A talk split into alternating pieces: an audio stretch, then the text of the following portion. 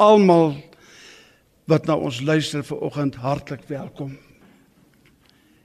Drie enige God, Vader, Seun en Heilige Gees. Ons kom vanoggend in diepe en dankbare afhanklikheid na U toe. Ons menslike harte is soms baie gemoeid met vrae en ons soek na antwoorde waarop ons nie altyd maklike antwoorde het nie. Ons lei dikwels gebreke daaraan om met 'n vertikale perspektief deur die lewe te gaan. Gee ons dan vanoggend Here 'n oor om te hoor en 'n hart om te verstaan wat U aan die gemeente en aan ons as luisteraars deur U woord wil sê. Open U woord vir ons harte, maar Here, open ook ons harte vir U woord. Help ons om daders van U woord te word en nie net hoorders wat hulle self bedrieg nie. Gee Here dat elke plek waar U woord vanoggend verkondig sal word, mense opgelig en opgebeur en versterk sal word om 'n oorwinning te lewe selfs al is die land se naam Suid-Afrika. Ons bid vir ons land en al sy mense in hierdie moeilike en onseker tye. Dank U dat U die eienaar van die toekoms is En al ken ons nie die inhoud van die toekoms nie, God dank dat ons bevoorreg is om die eienaar te mag ken. Word verheerlik in elke faset van hierdie diens terwyl u almal seën wat vanoggend luister. Amen.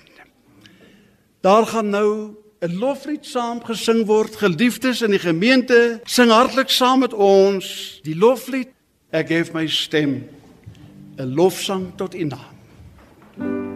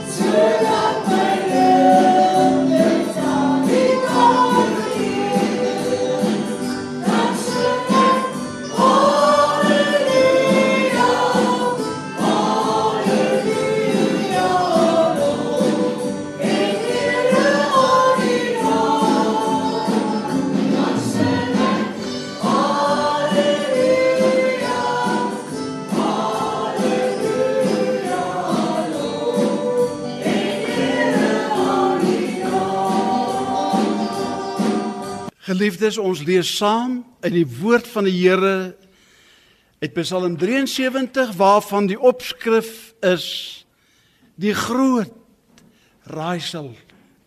'n Psalm van Asaf. Waarlik God is goed vir die wat rein van hart is. Maar wat my aangaan, my voet het amper gestruikel. My voetstappe het byna uitgegly want ek was afgunstig op die onsinniges toe ek die voorspoed van die goddelose mense sien. Want daar is geen kwellings by hulle nie, gesond en vet is hulle liggaam. In die moeite van sterwelinge is hulle nie en saam met ander mense word hulle nie geplaag nie. Daarom is die trots om hulle soos 'n halsieraad en die geweld bedek hulle soos 'n gewaad. Hulle oë pyl uit van vet en die inbeelding van hulle harte loop oor. Hulle spot en spreek in boosheid verdrukking. Hulle spreek uit die hoogte. Hulle stel hulle mond teen die hemel en hulle tong wandel op die aarde. Daarom draai hulle mense hulle hierheen en waters in volheid word deur hulle opgeslurp. En hulle sê, hoe sou God dit weet? En sou daar kennis by die Allerhoogste wees? Kyk, so is die goddelose mense en altyd onbesorg vermeerder hulle die rykdom. Waarlik te vergeefs het ek my hart rein gehou en my hande in onskuld gewas. Vers 17 totdat ek in die heiligdomme van God ingegaan en op hulle einde gelet het.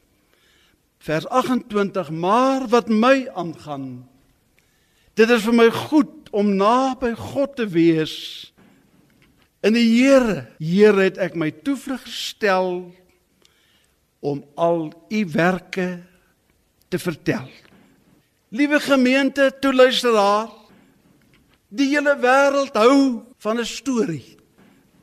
Nie net kinders alleen nie, maar self volwassenes hou daarvan om 'n storie te hoor, veral as hulle self daarin gesien kan word.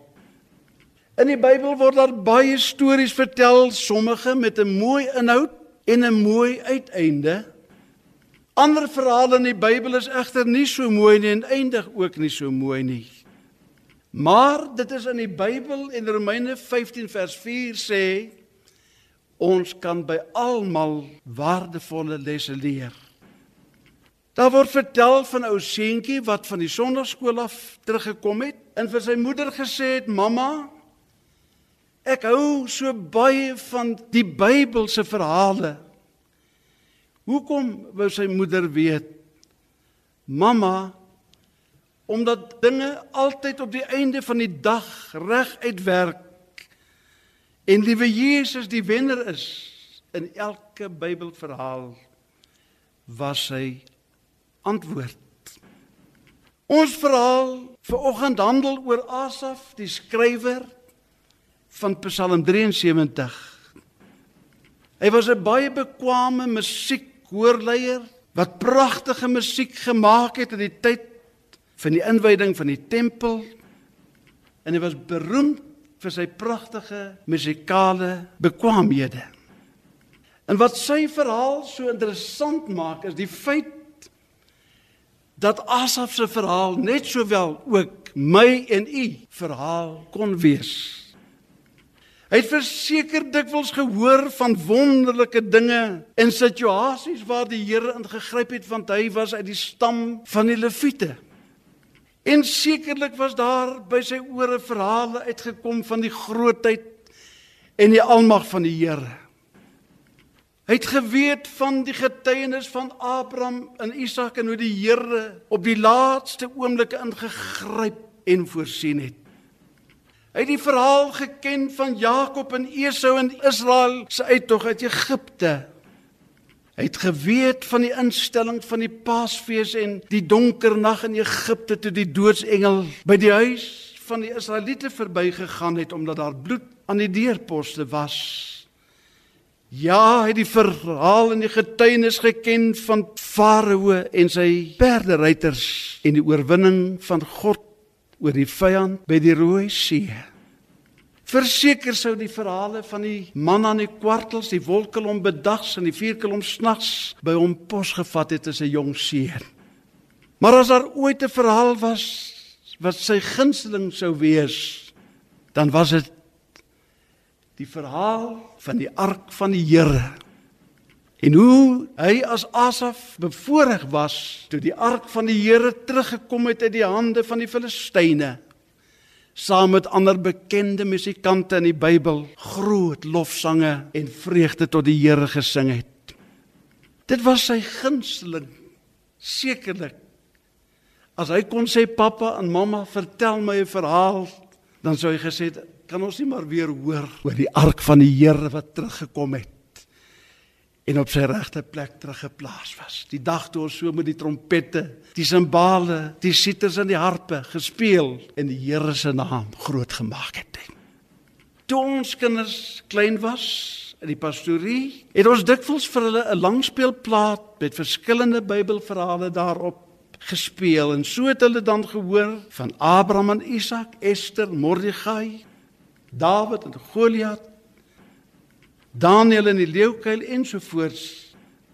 Maar ons tweede seun Johannes het dikwels sê pappa, los maar die ander. Speel net weer vir my die een van die verloorder seun. Dan sê ek vir hom Johannes, dit is nie die verloorder seun nie, dit is die verhaal van die verloor. Pa, speel die een van die verloorder seun.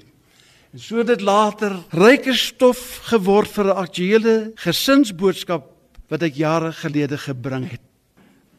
So het Asof ook sy gunsteling verhaal gehad in die geskiedenis word vertel in 1 Samuel 5 en 6 as ook 1 Kronieke 13 tot hoofstukke 15 in die Bybel. Dit handel oor die dieper besonderhede hoe die ark van die Here in die hande van die Filistyne beland het. En natuurlik was dit vir die Filistyne 'n groot oorwinning as jy die ark kon wegvat. Het jy die Israeliete se hele oorwinning weggevat en 'n gevoelige slag toegedien. Hulle voer die ark weg, maar toe die ark langs die Filistynse afgod Dagon tot stilstand kom, vertel die Bybel toe val sy hande en sy kop af en asof hy daarvan baie gehou. Liewe Jesus se verhale werk reg uit. Asof onthou die groot vreugde en lofliedere wat gesing word saam met groot name. Semaramot Matitja Eliab, Obed Edom wat harpe en siters gespeel het. Trompetblasers soos Benaja en Asaf. En hy self met simbale hoe hulle die almagtige naam van die Here daai môre by die ark groot gemaak het, geprys het. Mooi daar, mooi verhale wat 'n mens graag wil onthou vir die res van jou jare. Maar in Psalm 73 sing hy 'n heel ander lied en hy's op 'n ander wysie, so half op 'n sarkastiese manier. Herinner hy die Here daaraan? Ja. Die Here is daarom goed vir die wat rein van hart is. God is goed vir Israel vir die wat rein van hart is, maar wat my aangaan, my voet het amper uitgegly en amper gestruikel toe ek sien hoe goed gaan dit met die goddelose. Daar word beweer dat daar 'n sekere heuning voel is wat 85 keer van wysie kan verander. Gelukkig was Asaf net vir 'n kort rukkie van sy wysie af want ons sal later sien hoe hy gou reg gekom het toe hy in die heiligdomme van God ingegaan en op die einde van die goddelose gelet het. Hy het gou tot besef gekom in die finale analise van dinge dat God se planne aan die einde van die dag haar fyn altyd reg uitwerk. Want die Here herinner ons in Jesegiel dat hy God is en dat ons maar net mens is. En aardig hoe mense geloof in 'n krisistyd vinnig kan opdroog ten spyte van al die kennis wat ons het van die grootheid van die Here. Ten spyte van die feit dat ons weet hy kan en hy gaan en hy's in beheer, is dit tog 'n groot raaisel. Soos die opskrif sê dat my voet het amper gestruikel, my voetstappe het amper uitgegly want ek was afgunstig op die onsinniges toe ek die voorspoed van die goddelose mense sien. Here, hoe werk dit? Daar's geen kwelling by hulle nie. Hulle is gesond, hulle is vet. Hulle is trots, hulle loop in die hoogte, die kinders van die Here en aankyk hulle oop uit van vet. Hulle spot en spreek boosheid en verdrukking. Hulle praat uit die hoogte Kyk so, is die goddelose mense, hulle stel hulle mond in die hemel en onbesorg vermeerder hulle die rykdom. En dis ons en ons moet sukkel.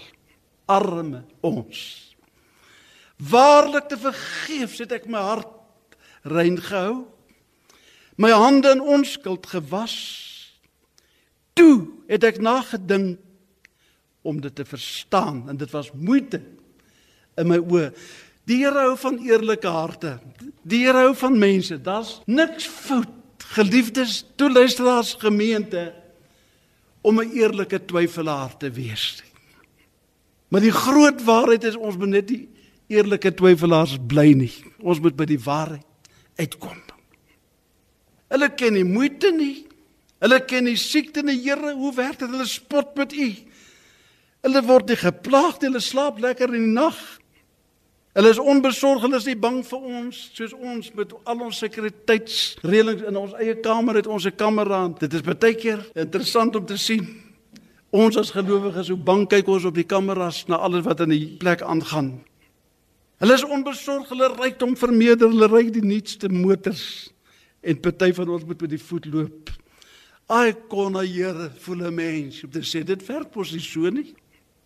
Dit behoort ons glad nie so te werk nie. Watter doel dien dit dat mense wat U nie in erkenning hou nie, alles kry wat hulle graag wil hê terwyl ek as 'n gelowige gebrek moet ly? Dit kan ons nooit in der ewigheid reg gepraat of weggeredeneer word nie. Nie eers die beste teoloog sal my daarvan kan oortuig dat dit reg is nie. En dit is 'n bekende feit dat juis by hierdie vraag, hierdie groot raaisel, dat dit die enigste groot vraag is waarom baie mense wat gelowiges was ateëste geword en baie ateëste wil nie gelowiges wees nie, maar mag ek vanmôre oor die lig vir u sê die Here is baie lief vir ateëste en ek ook want hulle maak sulke goeie bekerings materiaal. Is gelowiges dan nie veronderstel om probleemvry te wees en in oorvloed te lewe?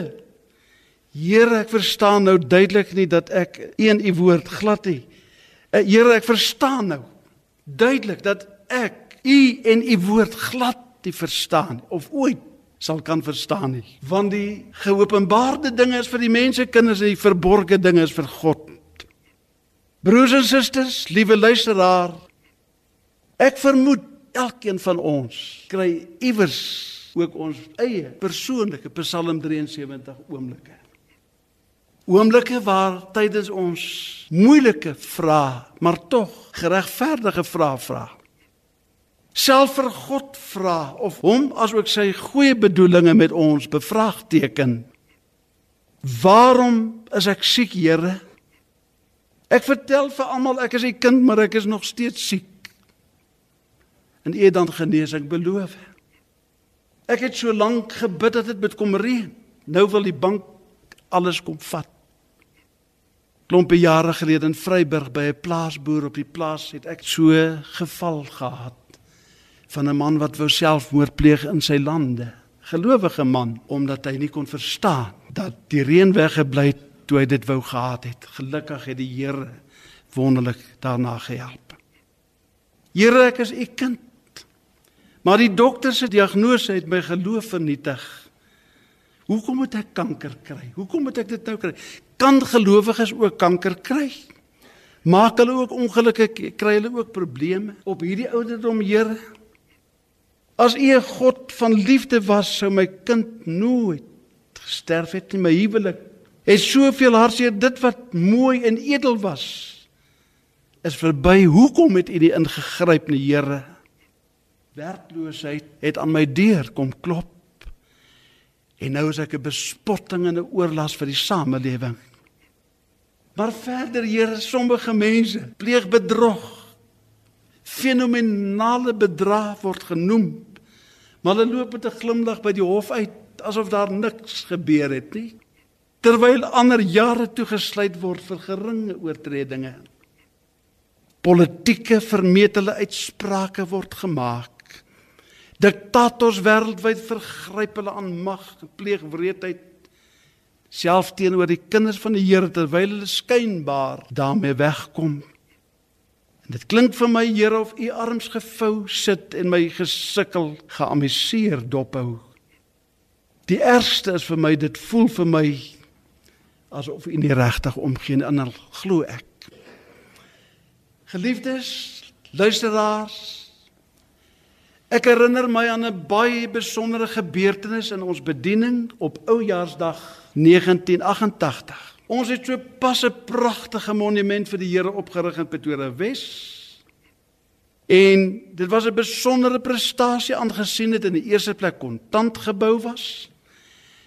En in die tweede plek dat hierdie kontant gebeurtenis in Pretoria Wes van alle plekke gebeur het. Seker goed gebeur eintlik mos net in Pretoria Oos en aan die ander kante van die wêreld.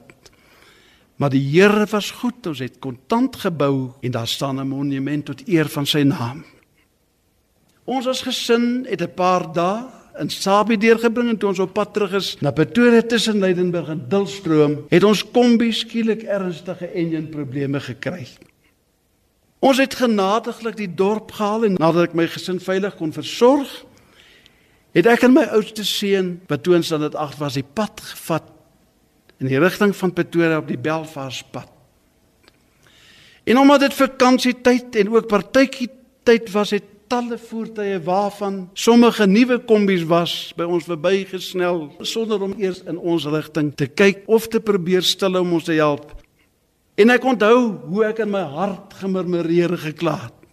Vir die Here gesê, Here, ek werk soveel jare vir U met 'n onberisplike getuienis. Nou ry hulle hier met nuwe kombies en ander netjiese voertuie verby sonder bekommernis. Hulle kom by hulle eindbestemming, maar ek wat vir die Here 'n monument gebou het, dit nogal kontant, nou moet ek hier met my voet langs die pad loop terwyl my eie kombi met 'n stikkende enjin staan die Sondag ry met hulle pragtige nuwe kombies daar verby. Dit nogal op 'n tydstip van die jaar wat ons dit die heel minste kan bekostig. Baie mense geliefdes wonder waarom goeie dinge met slegte mense gebeur en slegte dinge met goeie mense. U almal is bewus van die Joodse rabbi Harold Kushner wat 'n baie interessante en aktuele boek hieroor geskryf het. So ook Philip Yancey met 'n kosbare boek vol antwoorde oor hierdie vraag: Where is God when it hurts? Waar was die Here die oggend van die 911 gebeure in Amerika? Paul ends everything happens for a good reason. En die mense soek 'n antwoord op hierdie moeilike raaisel van Asaf is daar soms 'n neiging om te redeneer dat sonde die oorsaak moet wees vir ons probleme. Natuurlik kan daar gevalle wees waar mense hulle eie probleme veroorsaak.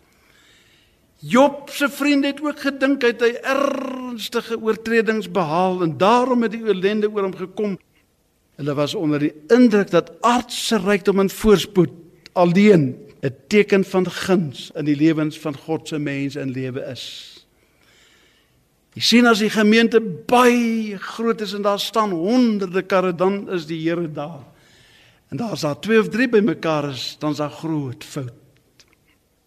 Dit was hulle grootste misrekening en hulle grootste fout.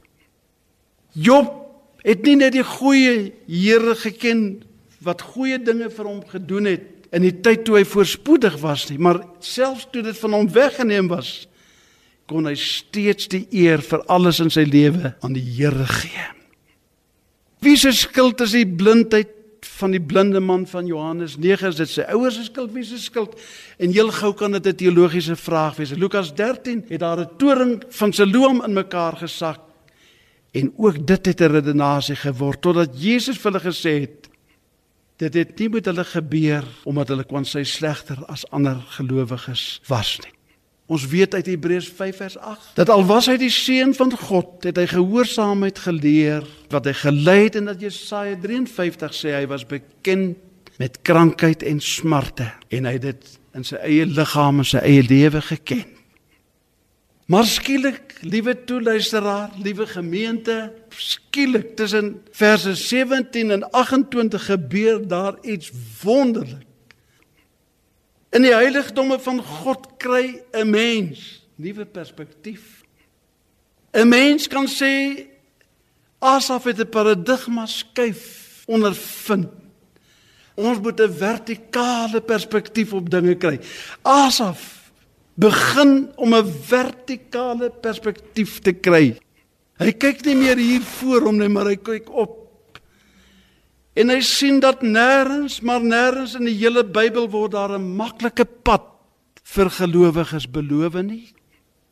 As dit met ons goed gaan, is dit ook nie verkeerd nie. Dis nie verkeerd om geseën te wees nie. Dis verkeerd om geseën te wees en die Here te vergeet.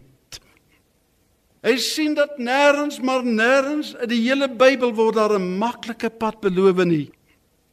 Hebreërs 11 vertel dit so pragtig van sekere groepe gelowiges wat uitkomste, oorwinning en ander wonderlike dinge ervaar het deur die geloof terwyl daar ander was wat in skaapvelle, bokvelle rondgeloop en stukke gesaag was, gestenig en gemartel was terwyl hulle die beloftes nie verkry het. Hoe werk dit? Die Bybel sê God het iets beter oor hulle bestel. Kon onthou môre toe ons ou babatjie begrawe het. En die pa het die ou kussie self gedra het om so in die voorportaal voor die kansel kom neersit. En ek onthou daardie môre al wat ek vir hulle kon sê was die woorde van 1 Korinte 13 ons sien nou deur 'n spieël in 'n raaisel maar eenmaal as die volmaakte gekom het sal ons alles beter verstaan dis raaisels ons verstaan dit nie Maar die hoekoms en die waaroms eh, sal vir ons aan die einde van die pad baie beter en duideliker wees. Loof die Here. Hierdie wêreld was hulle nie werd nie. Daarom het hulle die beloftes nie verkry nie. Terwyl ek met my seun daardie oggend stap tussen Dulstroom en Belfast en ek nog nie kon verstaan waarom die Here hierdie swaar beproewing oor ons pad gebring het met die stikkende kombi nie, het daar skielik 'n motor by ons gestop. 'n Rooi Ford Cortina. Die bestuurder vra: "Meneer, verskoon my dat ek dit sê. Hy sê jy lyk vir my soos 'n predikant." En ek vermoed julle motor moes dalk iewers gebreek het. Hoe kan ek help? Ek sê meneer, ja, u is korrek. Werk vir die Here klompe jare en ons motor het ontklaar geraak. Ons in die motor sit ek en my seun, begin hy te praat en sê hier gebeur vanmôre iets baie spesiaal en interessant. En ek vra hom wat hy daarmee bedoel en sê dat hy moet uitbrei. Hy sê dit is vir my so interessant om te weet dat 'n predikant se kombinasie pad moes breek op 'n oomblik van die grootste krisis in sy lewe wat hy gebed nodig het. Hy sê pastoor, jy sal nie verstaan nie, maar agter in hierdie rooi kortina se kattebak is daar 'n jaggeweer. En ek is nou op pad na my skoonma en my skoonpa se familieplaas toe om eers my skoonma en dan my vrou en dan my gesin te gaan uitwis. Want ek het aan die einde maar nou het jou kombi gebreek en ek vra jou bid vir my en ek sien die man se oë is rooi. En hoe verder ons ry hoe blyer word ek oor die ou kombi gebreek het. Wat 'n vreugde, wat 'n bonus vir die evangelie. Hy gee sy hart vir die Here en hy beloof my gaan vrede maak met sy mense op die plaas. En ons het in Pretoria gekom. Ons het ons kombi herstel, maar dit was nie my vreugde. My vreugde was 2 weke daarna. Toe stap daar 'n ou oom en tannie met twee pragtige dogters en die bestuurder van die Cortina en sy vrou by die kerk in. Hulle sê ons het dit kom vertel van die grootheid en die goedheid van die Here dat hy julle kombi laat breek het dat ons by die Here kon uitkom. Asaf sien dinge in 'n totaal ander perspektief.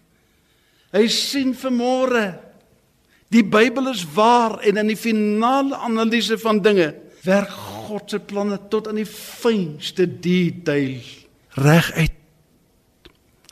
Ons in Suid-Afrika het vanmôre baie vrae, maar ek het geen vraag daaroor dat die Here is besig om dinge so te laat gebeur dat op die einde elkeen sal weet dat ons God, die groot God van hemel en aarde is, dat hy nog steeds verlos en dat hy nog steeds help en dat hy nog altyd bereid is om sy mense wat na hom toe roep te help Suid-Afrika. Ons God weet vanmôre van ons af. Daar is 'n verskil in die eindbestemming van 'n goddelose en 'n kind van God. Ek het dit 28 jaar lank by sterfbeddens persoonlik getoets. Dis beter om by die Here te skuil as om op prinses te vertrou. Asof sê in vers 17 tot ek in die heiligdomme van God ingegaan het, toe verander sy hele perspektief en op hulle einde gelet het. Toe sien hy dat die duiwel in werklikheid 'n geoefende leenaar is om mense se geloof in twyfel te laat trek asof God nie van alles weet nie. Hy is aan die einde van die dag dankbaar en bly teenoor die Here dat sy voete nie uitgegly het nie. Ons sluit af, liewe broers en susters, luisteraars. Met die wete dat dit duidelik is in ons teks dat alhoewel daar soms dinge gebeur wat ons nie maklik kan verstaan of verduidelik en ons ook nie wil hê dit moet gebeur soos dit gebeur het met Asaf, Job en ander maar dat ons baie tevrede kan wees by die wete dat God se dinge op die einde van die dag reg uitwerk.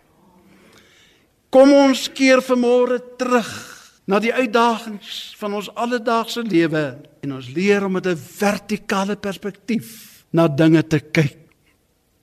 Soos Dawid toe hy na Goliat kyk, Goliat kyk hy nie na sy swaard of na sy statuur uit vertikaal, iemand baie groter en hoër as Goliat raak gesien.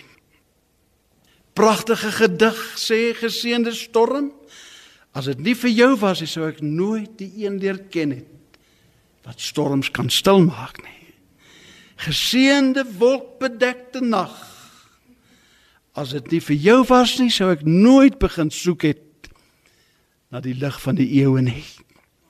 Geliefdes luisteraars die lewe sonder Christus stuur af op 'n hopelose einde. Maar die lewe saam met Christus stuur af op 'n eindelose hoop.